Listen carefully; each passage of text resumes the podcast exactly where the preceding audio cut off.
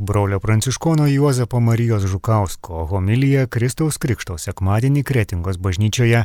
Antroje laidos dalyje girdėsite popiežiaus pranciškaus katechezę apie viltį, kurią skaito seminaristas Saulis Komantas.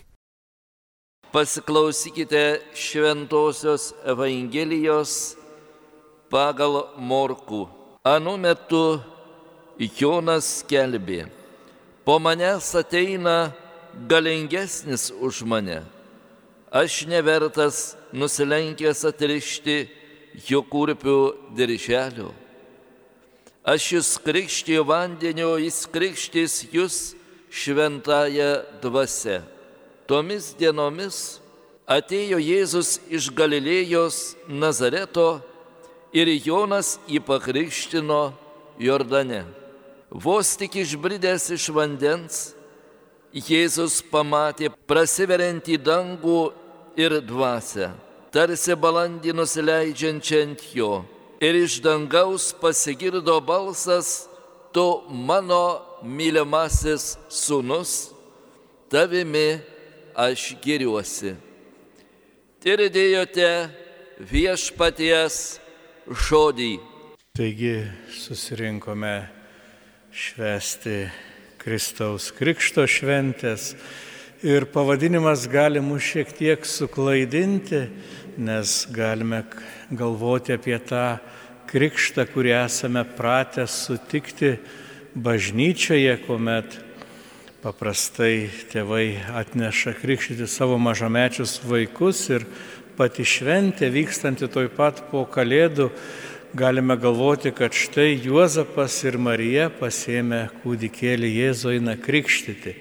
Iš ties šie įvykiai vyksta jau maždaug 30 metų po Jėzaus gimimo ir kaip girdime, suaugęs Jėzus ateina prie Jordano upės, kad būtų Jono krikščitojo pakrikštytas. Ir ši šventė gražiai įsilieja į prieš tai buvusias Kalėdų laikmečio šventes kaip dar vienas arba kaip trečias toksai Jėzaus apsireiškimas, pasirodymas pasauliui arba kaip bažnyčioje naudojame tokį gražų terminą epifanija. Pats pirmasis apsireiškimas buvo Jėzui gimus Betliejuje, kuomet suskubėję piemenis išvysta gimusi Jėzų kūdikėlį Jėzų. Antrasis mums buvo pristatytas trijų karalių šventėje, kuomet atvykę išminčiai iš tolimų kraštų pamato tą žadėtą, apreikštą mesiją, būsimą žydų karalių. Ir štai trečiasis Jėzaus pasirodymas, kuomet Jonas Krikščitojas išvykęs į minioje, beda į jo pusę pirštų ir sako, štai Dievo avinėlis, kuris naikina pasaulio nuodėmes. Ir kiekvienas iš šių įvykių neša savo žinę ir yra savotiškai mums svarbus. Pats pirmasis įvykęs Betliejuje iš tiesų mums parodo Dievą ateinantį pas atviros ir paprastos širdies žmonės. Piemenis mums simbolizuoja tuos paprastus žmonės, kurie iš natūralaus savo širdies gerumo, iš to, ką yra išmokę šeimoje, ką yra paveldėję iš kartų į kartą, tą svetingumą, gerumą atneša į pasaulį. Ir išgirdę, kad štai kažkur oloje gimė kūdikis, jie skuba jam padėti, rūpindamėsi tą šeimą atneždami savo dovanas ir tą jų rūpestį ir gerumą paliudė mums ir angelai, skelbdami ramybę pasauliui ir džiaugsmą geros valios žmonėms. Taigi Dievas ateina pas visus, kas yra kupinas geros valios, kas yra pasiruošęs padėti kitam ir tiesiog natūraliai atskiria, kas yra gera ir kas yra bloga ir apsisprendžia būti gerais. Antrasis Jėzaus apsireiškimas trijų karalių šventėje mums gali kalbėti apie tuos, kurie savo proto ir gyvenimo išmintimi ieško Dievo. Tie išminčiai, kurie išskaitė iš gamtos ženklų didžio, didžio karaliaus ateimą, kurie deda pastangas, mokosi, keliauja ir supranta, kad Dievo dovana reikia atsiliepti visą širdimi ir netgi atnešant save kaip dovana tam. Taigi tie karaliai simbolizuoja tas tautas, kurios ieško savo pastangomis, savais būdais, kaip atrasti Dievą. Čia galime atpažinti visų tautų religijas, kurios vienu ar kitu būdu suvokia, kad egzistuoja ta anapusinė realybė ir bando savo įgimtais gebėjimais, savo valia pasiekti Dievą. Ir jie nelieka nuvilti, viešpats juos susitinka ir pripildo jų širdis džiaugsmu. Ir galiausiai šiandien matome dar kitą būrį žmonių. Tai yra Dievo tauta, kuriai apreikštas Dievo planas kuri jau tarsi turi sustatytą, sutvarkytą religinį gyvenimą, kurie turi šventyklą, turi aukojimą, turi apeigas, tauta, kuriai apreikšti Dievo įsakymai ir kurie tarsi žino, kaip elgtis. Bet nežiūrint viso to, pakyla Jonas Krikščitojas ir kviečia tą tautą atsiversti, prisimti atgailą už savo nesugebėjimą laikytis to, ką yra pažinę ir kviečia burtis, burtis, kad per atgailos krikštą pasiektų Mesiją. Ir pats Jėzus ateina į tą minę, pats Jėzus su ta pačia minė žengia į Jordano upę, kad būtų pakrikštytas, kad būtų paženklintas tuo regimu ženklu. Ir visiems susirinkusiems pasigirsta balsas iš dangaus, kuris su džiaugsmu, nuostaba ir su pasigerėjimu sako, tai yra mano mylimasis vaikas, kuriuo aš geriuosi. Ir tą balsą mes tikimės irgi kiekvienas išgirsti iš viešpaties lūpų, kada ateisime jo akivaizdon, kada pažvelgs į mus ir sakys, štai mano mylimas sunus, štai mano mylima dukra, štai mano mylimas vaikas, kuriuo aš geriuosi. Ir viešpats iš tiesų mumis gėrisi. Jau nuo paties sukūrimo momento, kuomet pažvelgęs į sukurtą žmogų, sako, tai yra labai gera. Deja, žmogus per savo užsispyrimą, per savo nusugrėžimą nutolsta nuo Dievo. Kartais pameta tą kelią Tačiau nežiūrint to, kad žmogaus širdis nutolsta nuo Dievo, viešpaties širdis niekuomet nenutolsta nuo žmogaus. Ir pats krikštas tampa mums ne tik kažkokiu simboliniu, galbūt magišku veiksmu, kuris staiga mus padaro primtinais Dievu. Ne, krikštas mums reiškia apsisprendimą, troškimą gyventi su Dievu ir eiti Dievo mums parodytų keliu. Jėzaus ateimas prie Jordano upės, nors ir simbolizuoja jo viešo gyvenimo pradžią, iš tiesų reiškia stojimą į tą Dievo tarnybą, į tą kelią, kuris vesi tėvo namus.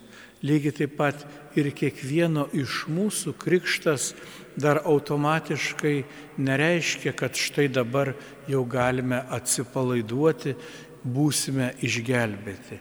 Ne, tai yra mums priminimas, kad esame įjungti į Dievo šeimą, esame įjungti į bažnyčią, tačiau dar mūsų laukia ilgas kelias.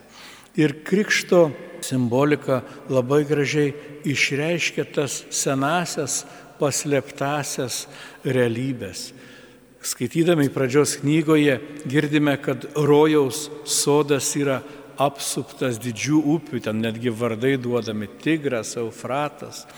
Ir kada žmogus išvaromas iš to rojaus sodo, jis natūraliai turi pereiti tą upę ir perėjęs upę jis patenka į dykumą, Į dykumą, kur savo veido prakaitą turi pelnytis duona, kur žemė jam augina usnis ir erškiečius ir kur patiria įvairiausius sunkumus.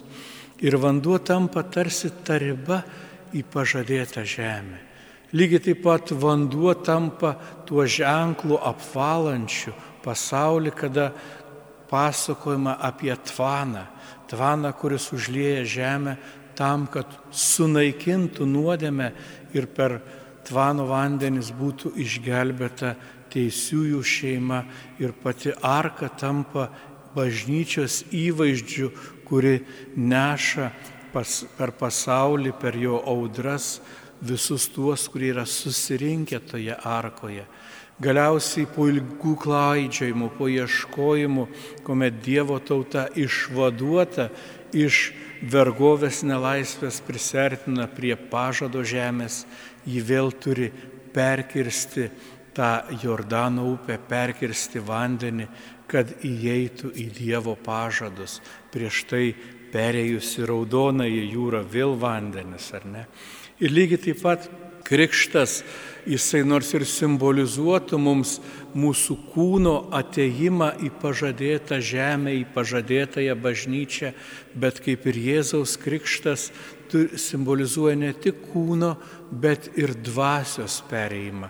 Kaip ir Jėzui pasikrikštys turi atsiverti dangus ir pasigirsti dangiškojo tėvo balsas, taip ir mums krikštas turi simbolizuoti visų pirma mūsų dvasios pereimą iš tos dykumos į naują gyvenimą, į gyvenimą su viešpačiu. Tad ši šventė tegul mums liudyja apie tą didžiulę dovaną, kurią esame gavę iš Dievo, apie jo begalinę meilę, kurią mums yra parodęs, ištraukdamas mus iš nuodėmė tamsos ir dovanodamas amžinai gyvenimą, bet taip pat tegul mus ir pakviečia kasdieniam atsivertimui, kasdieniam atsiv... apsisprendimui gyventi su viešpačiu kad pabaigę šią žemės kelionę atsistoję prie dangaus vartų išgirstume tuos pačius nuostabius žodžius, kurie nuskambėjo Jėzui jo krikšto Jardone upėje, kuomet Dievas tarė, tu esi mano mylimasis sūnus, tavimi aš geriuosi. Taigi esame surinkti į bažnyčią, turime gerą pradžią, turime visus Dievo palaiminimus, turime visus Dievo pažadus. Eikime kartu, palaikydami vienas kitą, primindami vienas kitam, kad esame nuostabus. Ir nežiūrint to, kad kartais suklumpame, viešpats yra šalia, kad padėtų atsistoti. Nežiūrint to, kad kartais pasiklystame, Dievo dvasia yra tam, kad mums padėtų atrasti kelią. Ir nežiūrint to, kad yra kartais be galo sunku ir liūdna, yra šalia broliai ir seseris, kurie mus gali paguosti ir sustiprinti šioje kelionėje.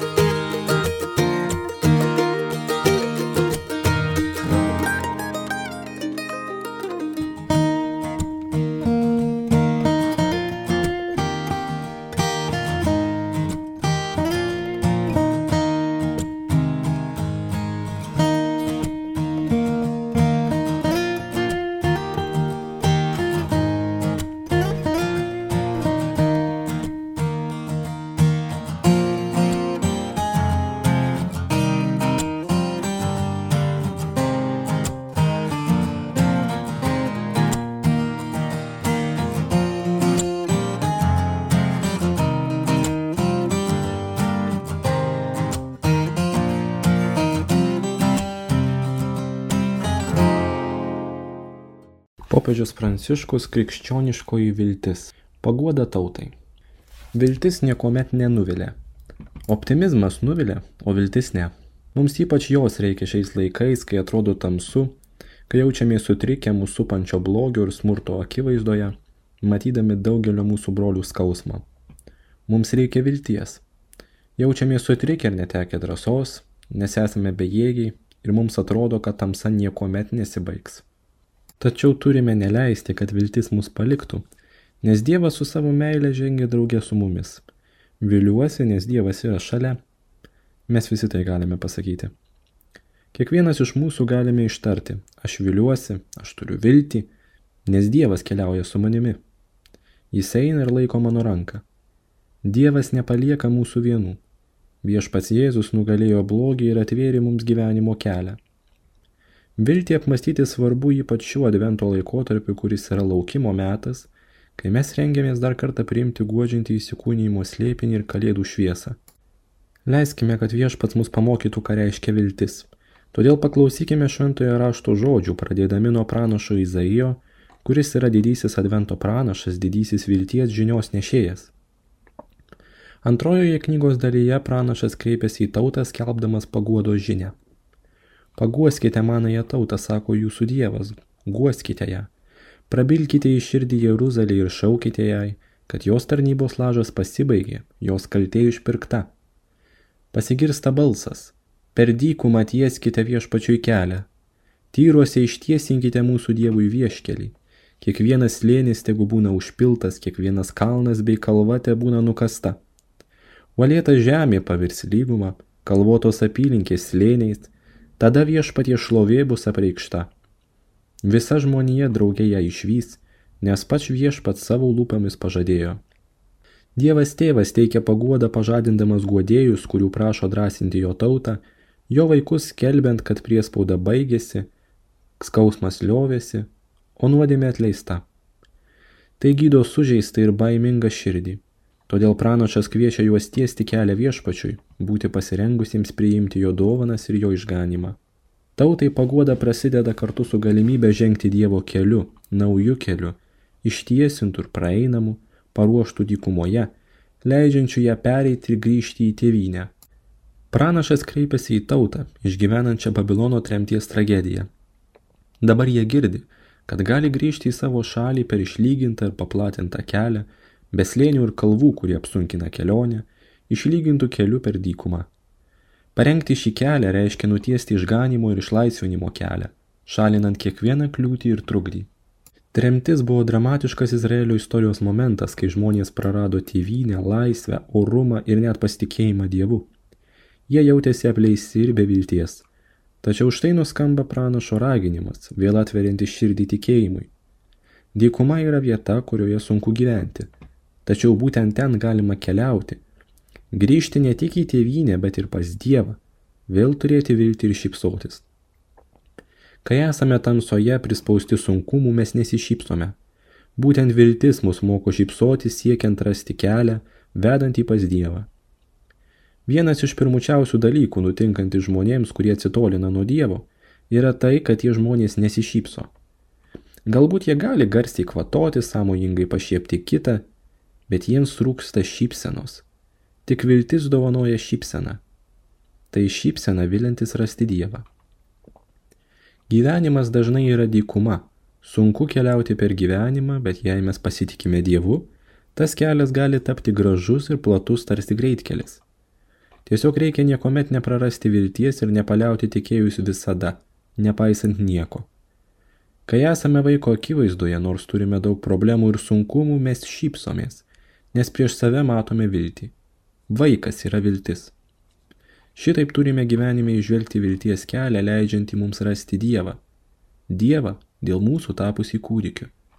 Jis privers mus šypsotis. Jis duos mums viską. Būtent šiuos Izai žodžius pavartojo Jonas Krikštytojas kviesdamas atsiversti.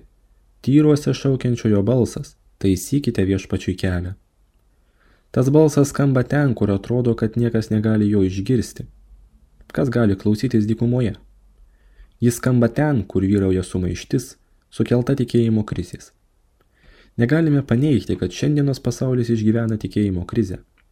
Sakoma, tikiu į Dievą, esu krikščionis, priklausai tai religijai. Tačiau tavo gyvenimas yra toli nuo krikščionybės, jis labai toli nuo Dievo. Religija ir tikėjimas tapo tik pareiškimu, Ar tikiu? Taip. Tačiau čia kalbam apie tai, kad reikia atsigręžti į Dievą, atsigręžti širdimi į Dievą ir eiti tuo keliu, siekiant jį rasti. Jis laukia mūsų. Tai Jono Krikščitojo skelbimas. Reikia pasiruošti susitikimui su tuo kūdikiu, kuris vėl gražins mums šypseną. Krikščitoje skelbia Jėzaus ateimą, kai izraelitai tarsi tebėra tremtyje, jie vis dar pajungti romėnų viešpatavimui, todėl yra švetim šaliai savo tėvynėje, valdomoje galingų okupantų lemiančių jų gyvenimą. Tačiau tikrąją istoriją kūrė negalingiai, o Dievas draugė su savo mažutėliais. Tikroji istorija ta, kuri išliks amžinybėje, yra Dievo rašoma draugė su jo mažutėliais. Dievas su Marija, Dievas su Jėzumi, Dievas su Juozapu, Dievas su mažutėliais. Tai maži ir paprasti žmonės, kuriuos matome gimusio Jėzaus aplinkoje. Zacharijas ir Elsbieta, kurie buvo seni ir paženklinti nevaisingumo. Marija, jauna mergaitė sužadėta su Juozapu. Piemenys, kurie buvo niekinami ir su kuriais nebuvo skaitomasi. Tai mažutėliai, kuriuos didelius padarė jų tikėjimas. Mažutėliai, kurie moka ir toliau išlaikyti viltį. Viltis yra mažutėlių dorybė. Didieji, patenkintieji, nepažįsta vilties jie nežino, kas jį yra. Mažutėliai su Dievu, su Jėzumi, tremties nuvilinčio vienišumo, kančios dykumą paverčia lygių keliu, kuriuo negalime eiti pasitikti šlovingojo viešpaties. Čia mes priartėjame prie esminio dalyko. Leiskimės mokomi vilties. Su pasitikėjimu laukiame viešpaties ateimo. Kad ir kokia būtų ta dykuma mūsų gyvenime, kiekvienas žino, kokia dykuma šiuo metu eina. Ji tap žydinčių sodų viltis nenuvilia. Brolio pranciškono Juozapo Marijos Žukausko homilija Kristaus Krikšto sekmadienį Kretingos bažnyčioje Antroje laidos dalyje popiežiaus pranciškaus katechezė apie viltį, kurią skaito seminaristas Saulis Komantas.